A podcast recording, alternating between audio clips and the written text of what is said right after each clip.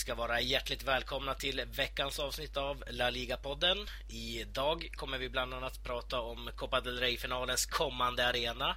Eh, vi kommer även att prata en del om Champions League, Europa League och en hel del Sevilla.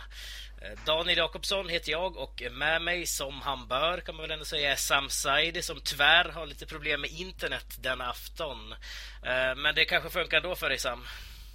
Ja, vi får hoppas det. Ni får ha överseende med att det kan försvinna lite ord mitt i meningar. Men ja, vi får, vi får tåla det eh, en dag som den här när de håller på att gräva och ska lägga in splitternytt fiber. Så att jag ska ändå inte klaga inför framtiden.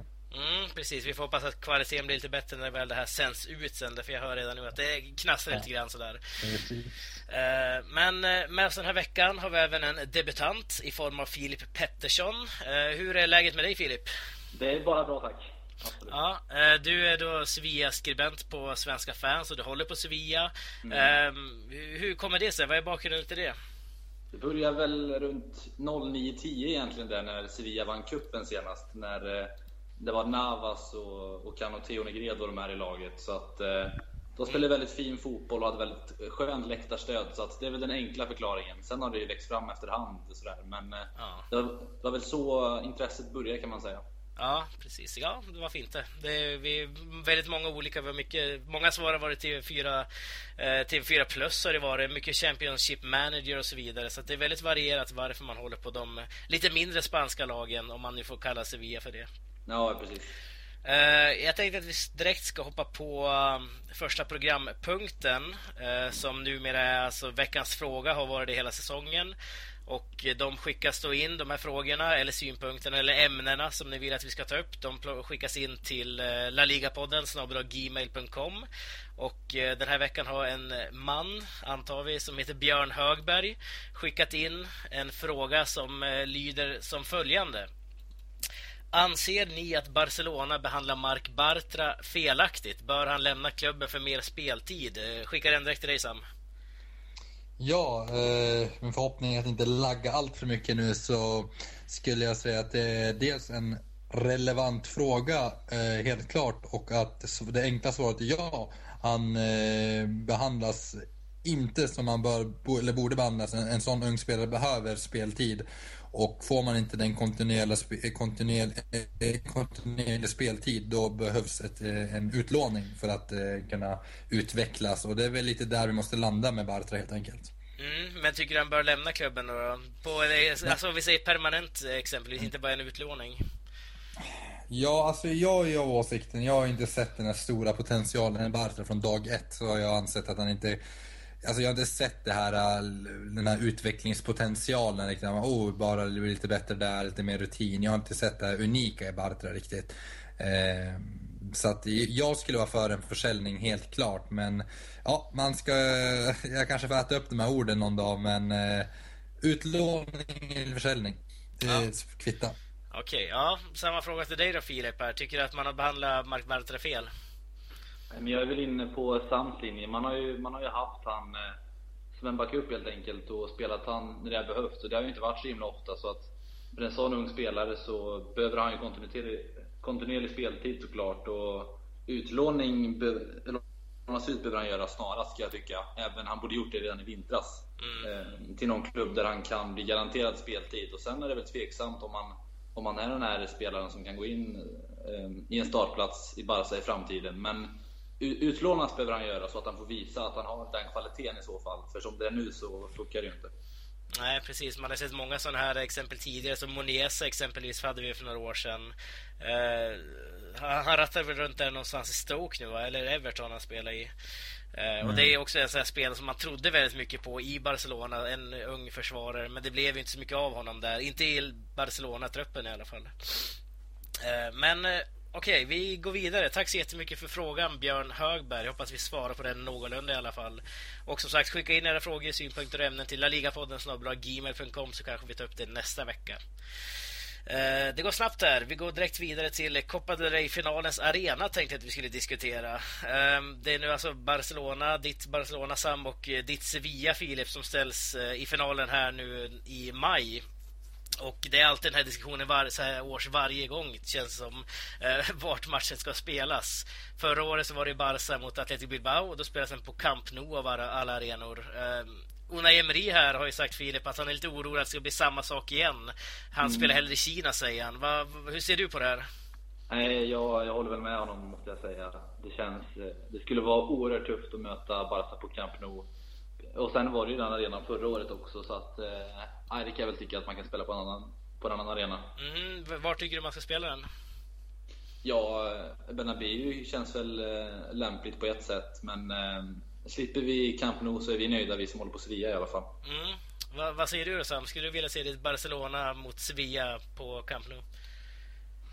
Eh, nah, lite tråkigt som det var där förra året. Och jag, jag förstår verkligen inte varför man inte sett eh, finalarenan innan säsongens gång och sen går man runt helt enkelt. Så det här, är, det här är bara dålig organisering av eh, förbundet att eh, det här inte setts tidigare och att vi alltid har, jag kommer ihåg att vi hade den diskussionen för ett år sedan också och det känns lika löjligt varje gång, varje gång på något sätt. Eh, så att, nej, jag, jag passar återigen den här frågan. Det känns som att jag passar två frågor i rad här nu. Ja. Eh, eller inte svara fullt ut. Jag föredrar varken bu eller bä. Eh, men visst, om det upprör för mycket känslor i huvudstaden så ta Mestalla eller Vicente Calderon eller ta uppe i, i Bilbao eller någonting. Mm, precis, vi har ju det, Ivan Rakitic som tillhörde Sevilla tidigare, spelar i Barcelona nu. Han vill spela på Santiago Bernabéu. Han tycker det, hans mm. motivering till det är ju då att det är den största arenan som ingen av klubbarna äger. Eh, och Det är en ganska valid poäng måste man ändå säga. Och det har ju även Miguel Cardinal sagt nu i veckan, eh, som är med i, om det är LFP tror jag, Eh, som har sagt att han också tycker att matchen bör spelas på Santiago Bernabéu. Mm. Men Real Madrid vägrar ju oftast det här. Och framförallt när ett lag som Barcelona står och spelar final. Kan, kan du förstå det någonstans Filip, att man inte vill öppna sina Bernabéu-portar?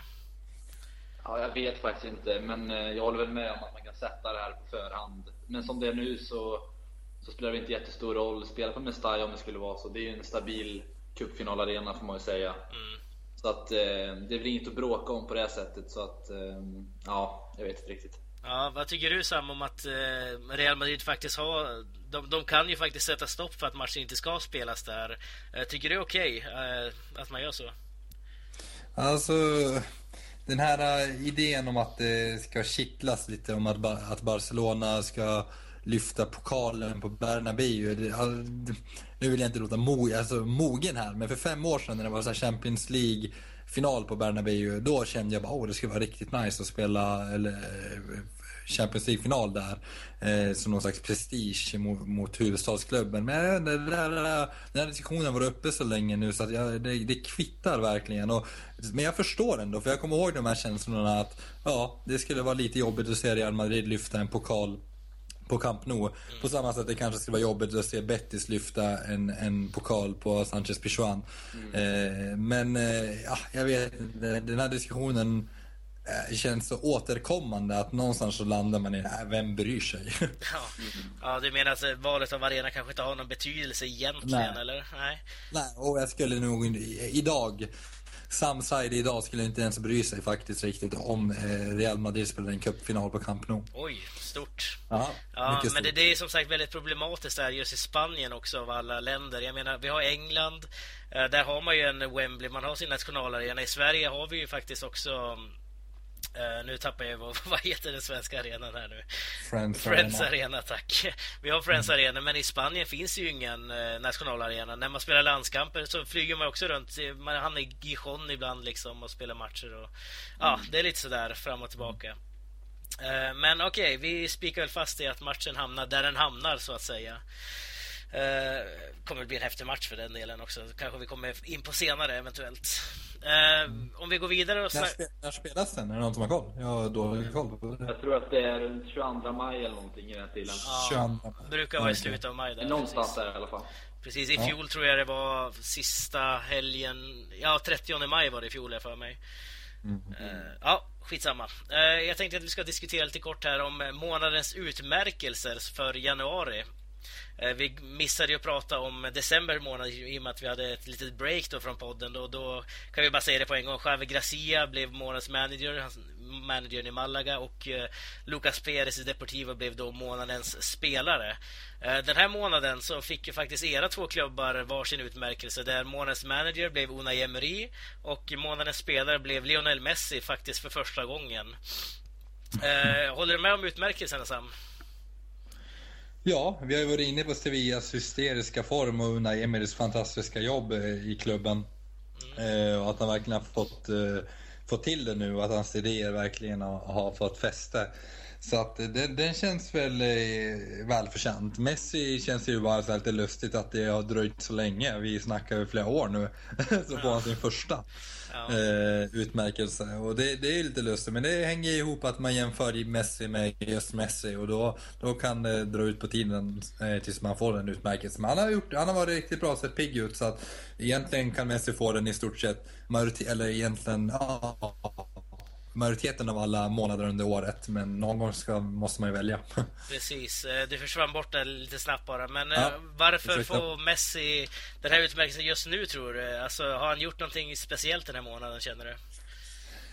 Nej, egentligen inte. Jag tror bara att det var lite brist på alternativ kanske snarare. Eh, för Messis en, en dålig eller ska man säga, halvbra Messi-månad är ju ofta bättre än många som faktiskt vinner det här priset. Så att jag tror snarare åt det hållet. Okej. Okay. Eh, samma fråga till dig då Filip. Tycker du det var bra här att Unai Emery och Messi fick de här priserna? Var det rätt? Ja, det är ju det är svårt att invända emot. Ska man hitta några kandidater så är det väl eh, på spelare så är det väl Suarez kanske som, eh, mm. som ser fantastisk ut just nu. Och eh, ett lag som har gått väldigt bra på slutet är Sociedad som man inte ska glömma. Eh, så att eh, det är väl Sakristan kanske som skulle kunna fått det också. Precis. De flesta av hans segrarna har dock varit i februari om man eh, eventuellt till nästa utmärkelse då kanske. Ja, precis. Nej, men eh, det är väl helt korrekt att Emery får det också. Men mm. ja. Ja, men du känner att han skulle var det rätt att han fick den här månaden eller skulle han haft det tidigare tycker du? Uh, nej, det var nog rätt att, att ge honom den här månaden faktiskt. Mm. Som Sevilla har sett ut. Ja, härligt. Eh, vi kommer faktiskt snacka väldigt mycket mer om Sevilla i del 2. Eh, vi ska faktiskt runda av del 1 här, men när vi är tillbaka så blir det som sagt Sevilla-fokus.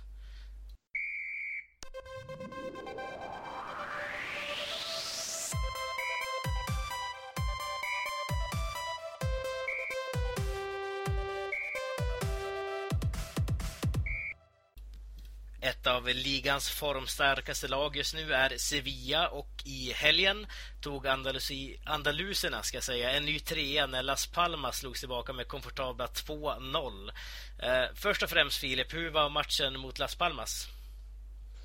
Det var väl egentligen inte en av Sevillas bättre matcher den här säsongen jämfört med många andra, men, eh, men till slut blev det ganska komfortabelt ändå. Vitolo klev fram från bänken och gjorde ett helt fantastiskt inhopp med två assist. Ja. Och det i kombination med Banegas briljans vid 1-0 målet är det som, som fäller avgörandet här tycker jag. Ja, var det rättvist tycker du att man vinner den här matchen? Det satt ju ändå en bit in som du säger här.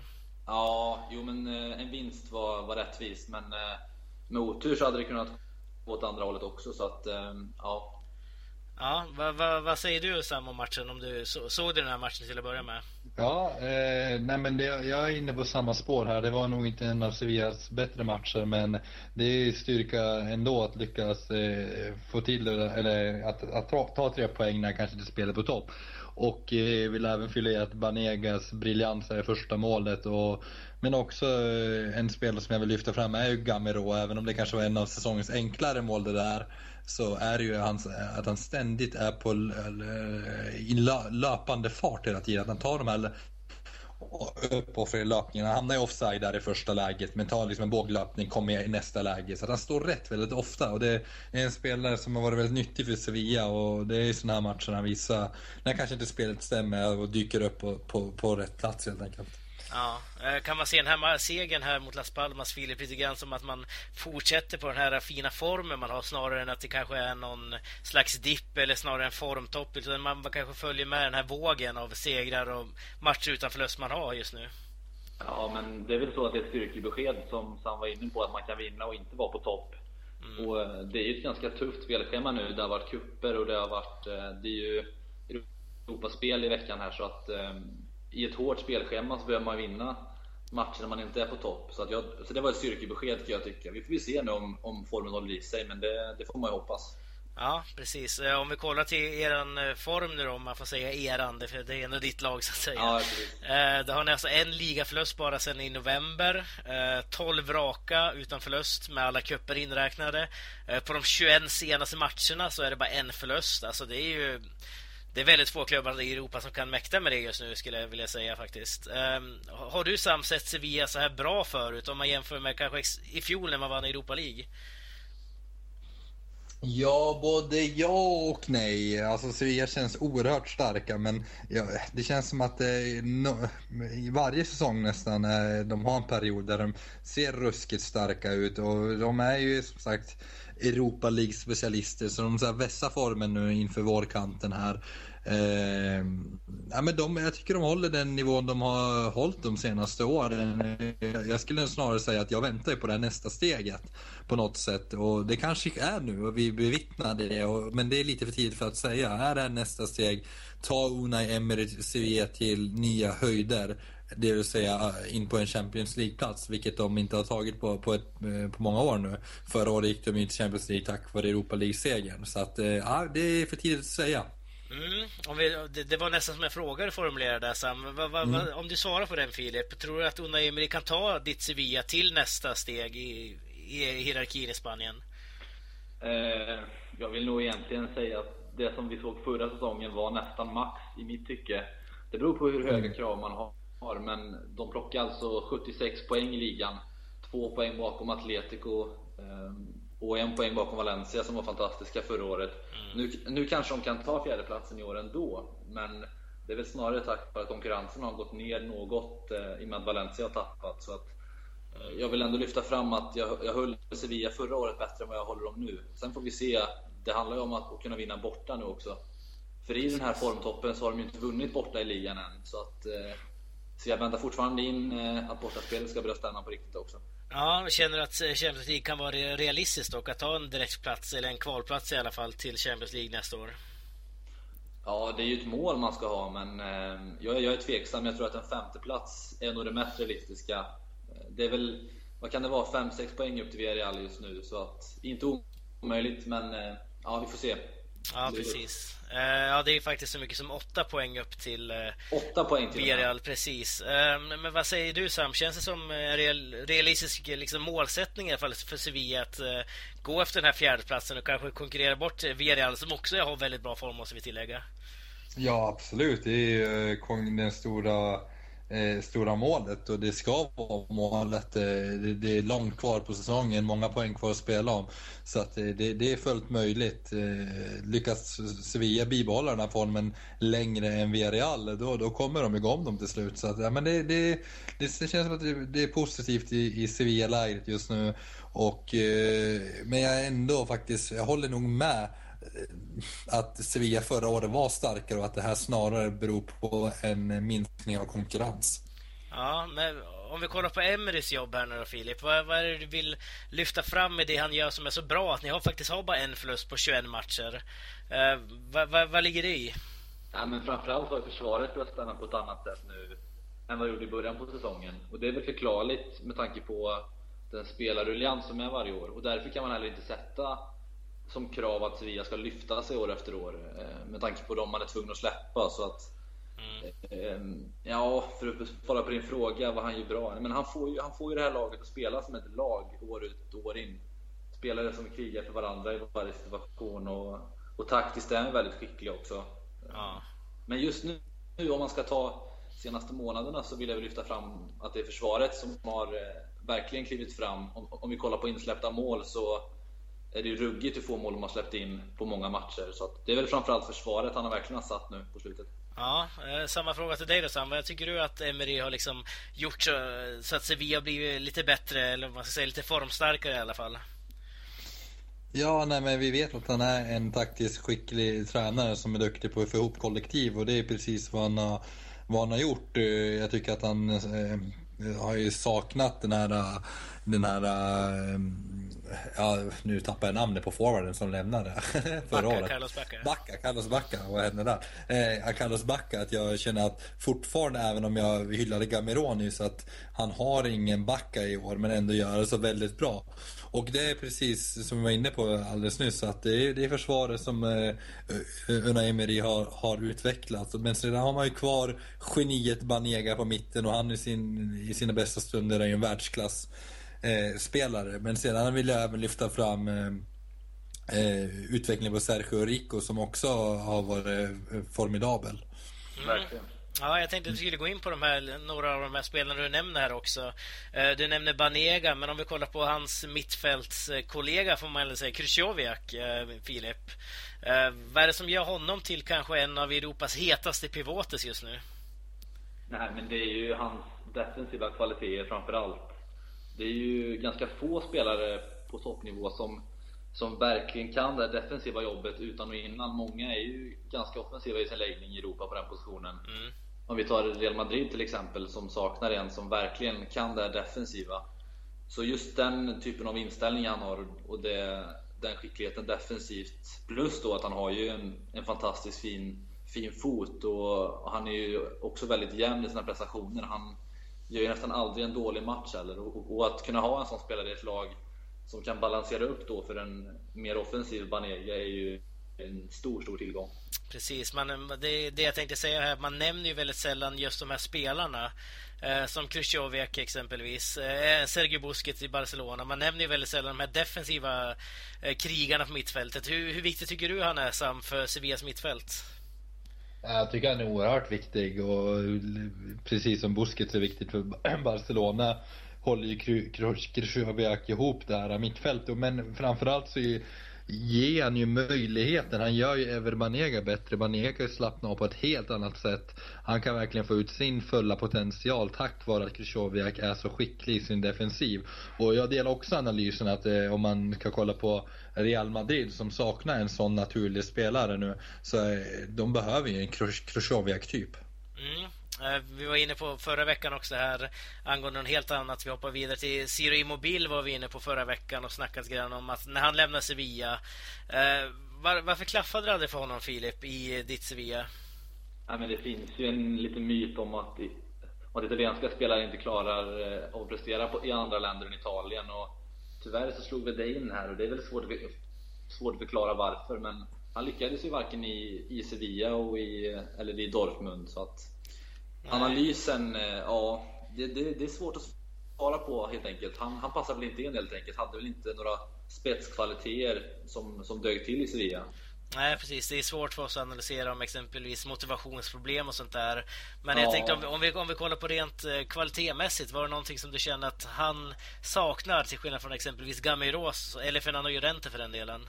Nej, men där har du två spelare som sticker ut på sina sätt. Llorente med sin sin längd och sin styrka, sitt targetspel och Gameiro med sin otroliga speed och, och hans djupledsspel och, och sen också hans eh, pricksäkerhet när det gäller att stå rätt i, i boxen. Mm. Där kändes väl Immobile lite som mellanmjölk mellan de här två och passar väl inte in riktigt. Så att det är väl den analysen man kan göra kanske.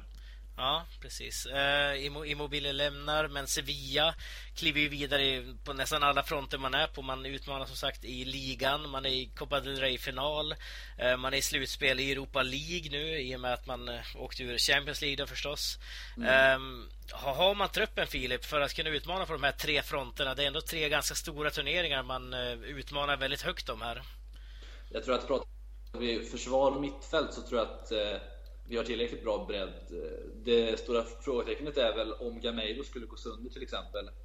Då mm. ser det ju väldigt tungt ut. Nu har vi ju eh, Juan Munoz som har, som har kommit upp här från ungdomslaget, 20-åring. Eh, mm. Eh, som har framtiden för sig och som är väldigt spännande. Men han, han och, han och Jorente räcker inte på, på den högsta nivån som det ser ut nu. Så att om Gameiro går sönder ser det väldigt tungt ut. I övrigt tror jag att Sevilla klarar, klarar tre fronter.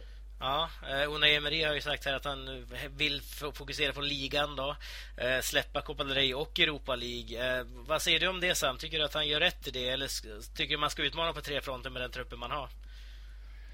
Ja, alltså utmanarna i Copa del Rey så är det, är det klart liksom. Där är man i final, den kan man lägga åt sidan ett tag. Så att det handlar snarare om Europa League nu och ligan. Och eh, den analysen kan jag köpa till viss mån i och med att man år efter år har vunnit den här Europa League. Men å andra sidan så är det lite konstigt att tänka att det är ändå en sån här backup-biljett till Champions League nu, numera. Så att jag tror inte man ska släppa det helt. Eh, och, om det skulle bli så att man inte kommer ikapp Villarreal. Så att, eh, nej, det, det, är svårt. Det är svårt. Det är klart man ska satsa på ligan, men Europa League är ju ingen är ingen kalanka Cup direkt. Det är ju en ganska stor titel. Så att, eh, nej, det är inget man bara väljer bort sådär. Nej, precis. Det måste ju tillägga också, det är klart att man inte väljer bort någonting utan det är väl snarare liksom hur man ska fördela ja, spel, spel, ja, ja. precis. Eh, lägga spelartrupper, man går ju alltid för tre poäng oavsett vad det är. Men vad säger du Filip? Vad tycker du man ska lägga fokus på? Eller ska man lägga fokus eller ska man bara se hur det blir lite grann? Ja, men jag tycker till att börja med får man ta det Emry säger ibland med en liten, liten nypa salt för att det är lite spel för galleriet ibland. Eh, han säger ofta saker och sen så visar han inte det på med sina uttagningar sen så att man kan ta det med en liten nypa salt tycker jag. Ja. Eh, annars så delar jag hans analys att ligan är viktigast, så kommer det nog alltid vara. Det, det tycker jag alltid ska vara prio ett. Men, mm. men givetvis så kommer han att, att prioritera så att ibland så kommer han ställa över spel i ligan. Det, kommer jag, det är jag helt säker på att han kommer att göra. Ja, en eh, Copa del Rey-titel eller en fjärde plats, vad säger du då? Fjärde plats, absolut. Ja, vad, vad tycker du Sam? Mm, För Sevillas ja, del? Fjärde plats. Okej, ja. Annars är, jag gillar ju kunga, kungacupen ändå. Den är ganska trevlig. Men sen får jag lägga till också att, att när Sevilla har vunnit Europa League nu så har de ju har han ju vilat spelare i Europa League. Han har inte satsat stenhårt hundra på att vinna den turneringen. Utan han har han har haft så pass bred trupp så att, så att han har kunnat gå runt på laget i både 16-del och 8-del. Så han kommer säkert att, att rotera, men, eh, men, men kommer vi fram till kvart och semi så jag är ganska säker på att han kommer att prioritera Europa League till viss del, vare sig han säger det eller inte. Precis. Eh, vi kommer komma in lite grann på Europa League i nästa del. Eh, då kommer vi diskutera Sevilla också som möter Molde där, vilket man kanske... Ja, en match som man eventuellt kan rotera lite grann i. Vi diskuterar det snart, tänker jag. Eh, men vi ska faktiskt sätta stopp för denna Sevilla-del och i den tredje delen, som även är den sista, ska vi snacka då som sagt Europa League och Champions League.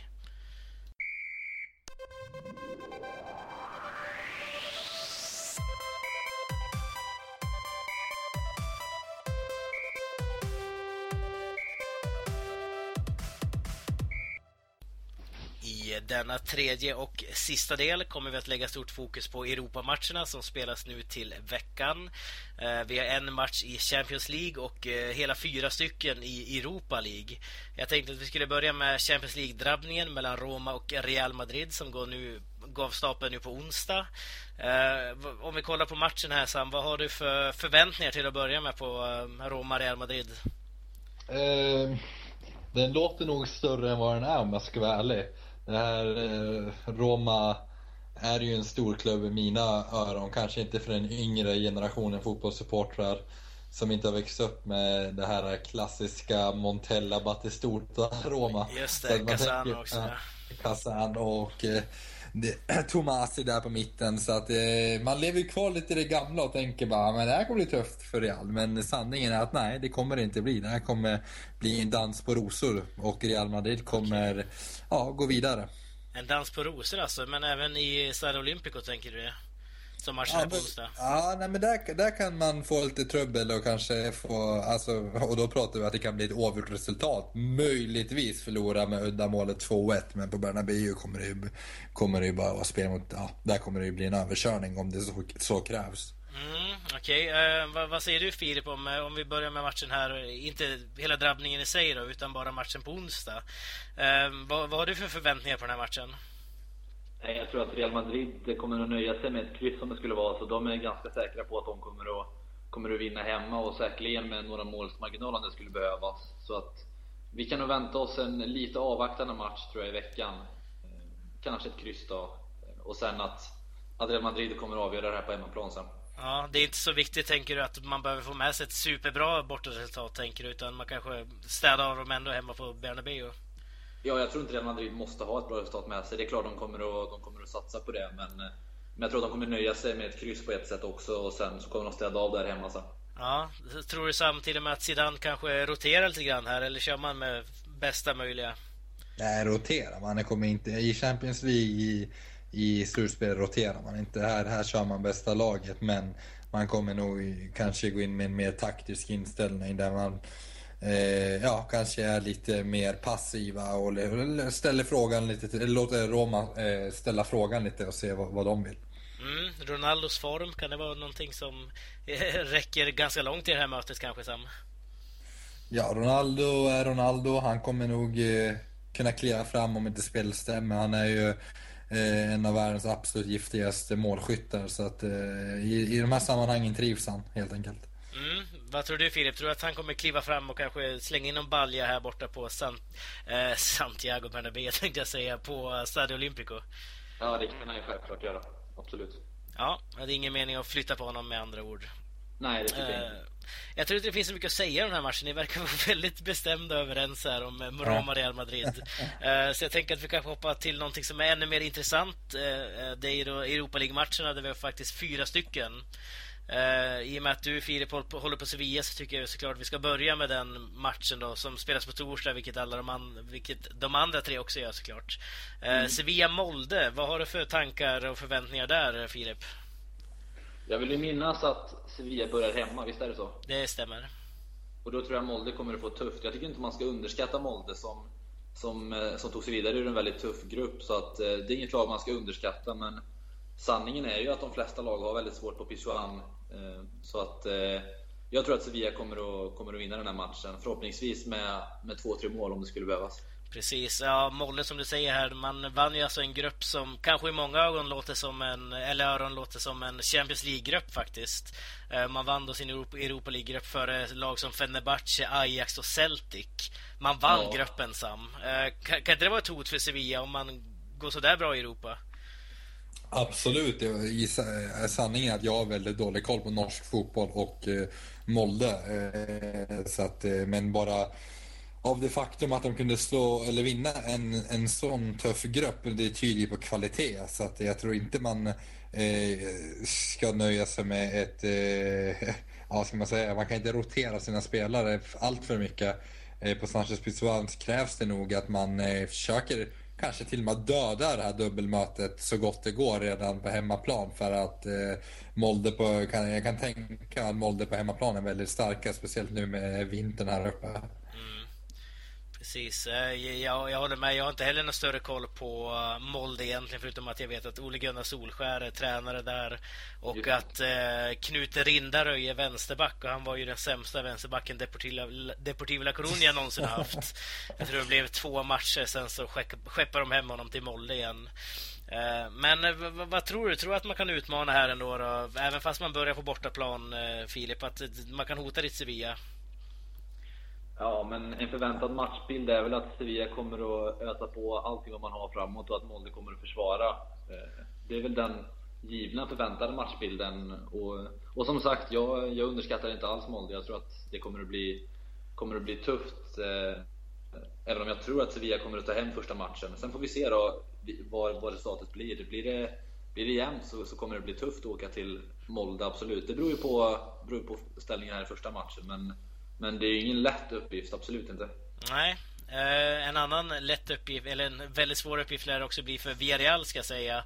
Eh, som i sitt möte möter alltså Napoli. Och då kan vi säga att Napoli i Europa League den här säsongen gick varenda laget som vann samtliga matcher i gruppen och har plus 19 i målskillnad. Det är ganska mycket för sex matcher måste jag ändå säga. Tre insläppta bara.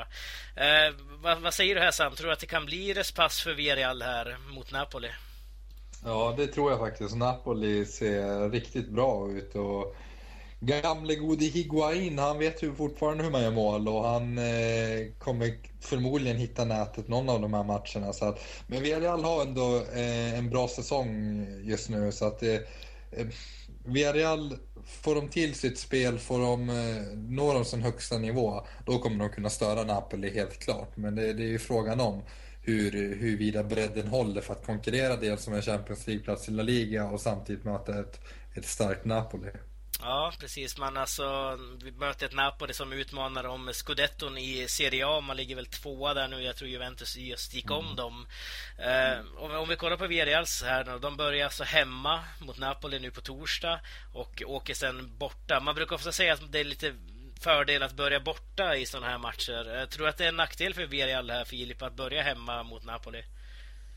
Ja, det finns statistik som säger att det är viss fördel att börja borta, så att eh, så är det väl till viss del. Men jag tror att det kommer bli ett jämnt dubbelmöte. Jag tror inte att, att Napoli kommer att kunna städa av eh, Villarreal som, som, har ju, som har ju varit eh, otroligt, otroligt bra i år. Även om, eh, även om Napoli bör ju vara favorit sett vad de har presterat inte bara i ligan utan som du nämnde i Europa. De, de var ju ursinnigt bra i gruppspel. Ja. Så, att, så att jag ser, bedömer väl att Napoli har en 65-70% chans att gå vidare kanske. Mm. Vad är det man ska utnyttja då, tycker du, Villarreal här? Tycker man ska forcera hemma eller ska man kanske avvakta lite grann och gå lite på resultat i bortamatchen? Nej, men de måste ju försöka spela sitt spel som de alltid gör med sitt snabba passningsspel. Det går ju inte att ändra på det, tror inte jag. Utan eh, de får försöka spela sitt spel och få med sig ett bra resultat. Sen får vi se. Mm. Eh, Valencia Rapid Wien har vi också som vi var inne på lite kort här. Eh, Sam, vad, vad, säger du om Valencia Rapid Wien? Kan det vara en munsbit för Valencia? Ja, för några månader sedan hade jag sagt att det definitivt eh, kunde bli en, eller vara en mumsbit. Men nu med Gary Neville vi, vi eh, som drar i spakarna där i Valencia så är jag inte lika säker längre. Men eh, ja, jag tror ändå det finns en så pass stor individuell skicklighet i den truppen som kommer ta dem vidare. Sedan kanske Gary Neville efter helgens seger faktiskt har Ja, kanske någonting på gång som inte vi vet om här. Nej, precis. Men du, du kanske tycker också, som i alla fall jag ska säga, jag tycker att Valencia nästan ska lägga Europa League åt sidan i det här läget och faktiskt fokusera på ligan helt och hållet. Eh, vad tycker du om det, Sam? Nej, inte helt. För jag tror att Sevilla, eller Sevilla, eh, Valencia Eh, för nu är det ju att de, nu ska de säkra kontraktet, bisarrt nog. Mm. Eh, och det kommer de göra, tro det eller ej. Även om det känns lite oroväckande så kommer de göra det. Jag tror det där är helt lögn. och det kanske är lite arrogant som en eh, icke-valensisk supporter sitter här och säger det. Men jag tror att den individuella skickligheten kommer säkra kontraktet. Däremot så ser jag Europa League som en, en chans att rädda säsongen från ett totalfiasko som det håller på att bli nu. För att det, i ärlighetens namn så kommer det oavsett ja, om man klarar sig kvar i ligan eller inte, vilket nu jag anser att man kommer göra, så kommer det bli ett fiasko när man står där utan en titel, bara stå i ingenmansland i ligan. Så att Europa League kan vara räddningen. Mm, håller du med där Filip? Ja, det, det skulle ju kunna vara räddningen, men jag tror inte Valencia har någon chans överhuvudtaget att vinna Europa League faktiskt, om jag ska vara helt ärlig. Mm. Även om jag tycker att det ska vara målsättning. Jag tror inte att man skulle tjäna någonting på, på att prioritera ner Europa League och bara satsa på ligan. Det tror jag inte skulle hjälpa dem så mycket. Men eh, nej, utan Valencia ser väl jag som Spaniens sämsta lag nästan i nuläget. Och eh, så illa tycker jag att det är faktiskt. Och, och då tror jag inte att de har någonting att göra i Europa. Jag tror att de kommer åka här mot, eh, mot Rapid direkt. Ja, precis. Det är väldigt många svåra lag också när du ändå säger att det är väldigt svårt att vinna Europa League. Eh, just den här, ja, just den här säsongen måste man ändå säga att det är ju väldigt svårt att vinna Europa League också. Men det är det varje år tycker jag. Ja, men kolla på klubbarna som är med nu. Vi har Fiorentina, vi har Tottenham, Porto, Dortmund, vi har Anderlecht, eh, United, Liverpool, Sevilla, Napoli, Villarreal. Det är ju det är väldigt många klubbar med i den här smeten det här året. Måste man ändå Shakhtar, Schalke och så vidare.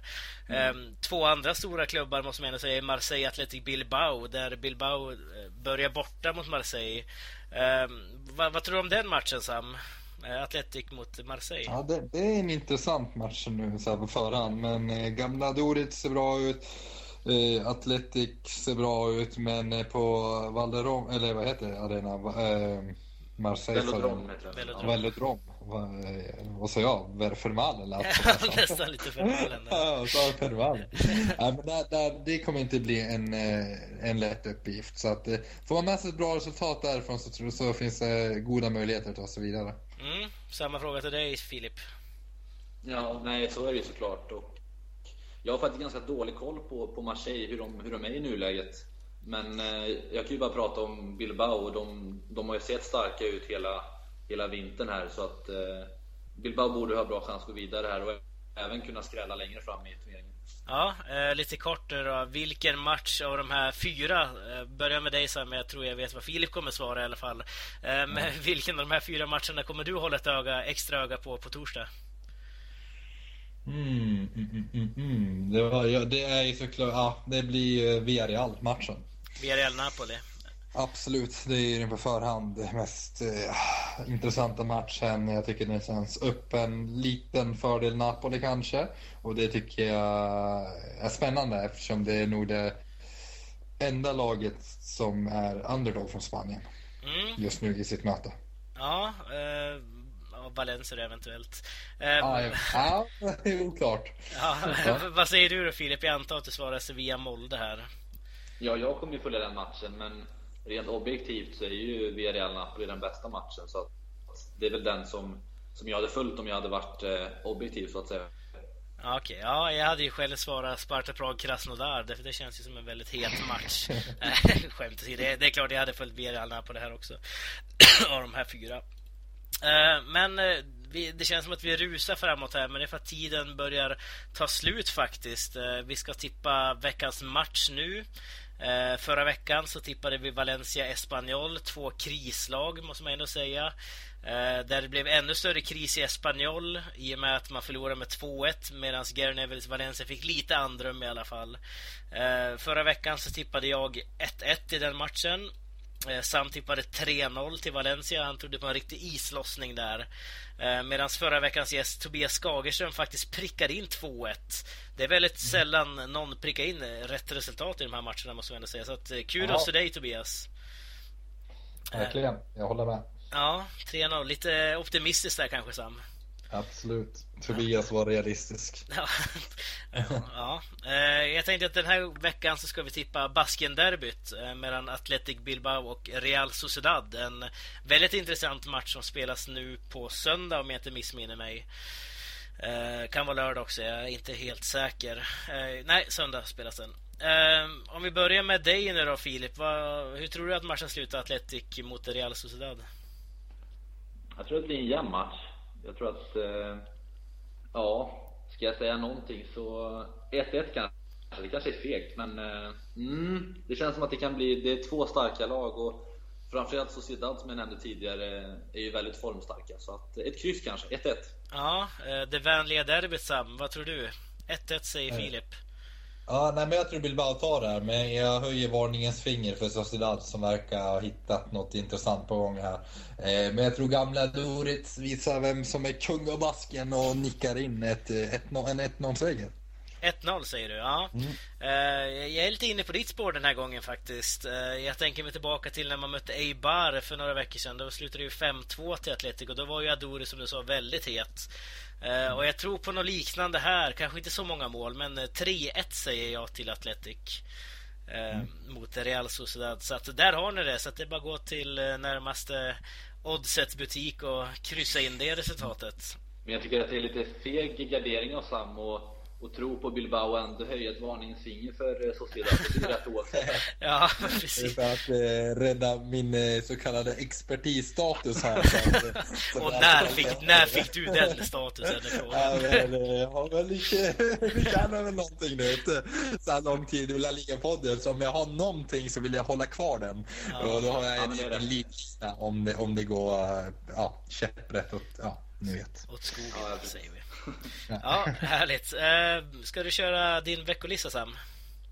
Eh, ja, absolut. Eh, veckolistan. Vi börjar med veckans Tokero som jag har varit inne på och passar på nu när det är lite Sevilla-fokus och ger den till, för första gången till Kevin Gamiro. Kanske inte finns assen i helgen men en spelare som verkligen har Eh, ja, imponerad på mig och eh, det var kanske, den, kanske inte den spelare för hand när säsongen drog igång jag liksom förväntade mig skulle vara den här nummer ett målskytten. Men han eh, håller upp det där anfallet på egen hand känns det som. Även om Jorente har en spetskompetens men kanske att målproduktionen har uteblivit lite. Mm, och Så Kevin Gamero får sin första. Ja. ja. Eh, Faber då? Faber, det går till ditt Depor Daniel. Eh, och med mer specifikt Deportivo 2016 som, ja, de är väldigt duktiga på att spela oavgjort men har faktiskt inte en enda seger på hela 2016. Eh, och man åkte också ut kuppen vilket inte var något man hade räknat med. Så att, eh, Deportivo som vi har hyllat så mycket får en veckans Faber. Ja, eh, jag måste faktiskt säga att jag köper den. Jag menar förlora mot Mirandes Segundaklubben med 3-0 hemma på resor är inte värdigt. Eh, det var ju inte den här veckan, det var några veckor sedan. Men som du säger, formen är väldigt svag i mitt Deportivo just nu. Eh, kan du köpa listan Filip? Ja, absolut. Kul med, kul med Gamero som, som sällan hyllas speciellt mycket i de stora medierna. Men en spelare som, som är värd att lyfta fram, absolut. Ja, eh, någonting du vill tillägga? Någonting Faubert kanske du vill ändra på? Nej, jag kan väl inte säga emot så mycket. Det, det kanske var rätt den här gången att ge det till Depor. Ja, jag håller med. Men eh, tack så jättemycket för att du var med den här veckan Filip. Ja, det var bara kul. Eh, och tack till dig också Sam som vanligt. Eh, du är med mig ja. nästa vecka, vilket även ni lyssnare är. Eh, hoppas jag i alla fall. Eh, men eh, om ni vill vara med i podden exempelvis som Filip här som mejlade in till laligapodden gmail.com och eh, skickade iväg en liten intresseanmälan kan man väl ändå säga eh, att han ville vara med i podden och nu är han här. Eh, så att eh, det får ni jättegärna göra också. Ja, det funkar. Det funkar. Vi svarar. Precis, vi svarar och vi bjuder in. Så att vill ni vara med i podden eller har ni synpunkter, frågor, ämnen ni vill att vi ska ta upp skicka det till laligapodden gmail.com eller gå in på vår hemsida laligapodden.se. Härligt! tack för oss. Vi hörs nästa vecka. Hej då! Hej! Hej då! you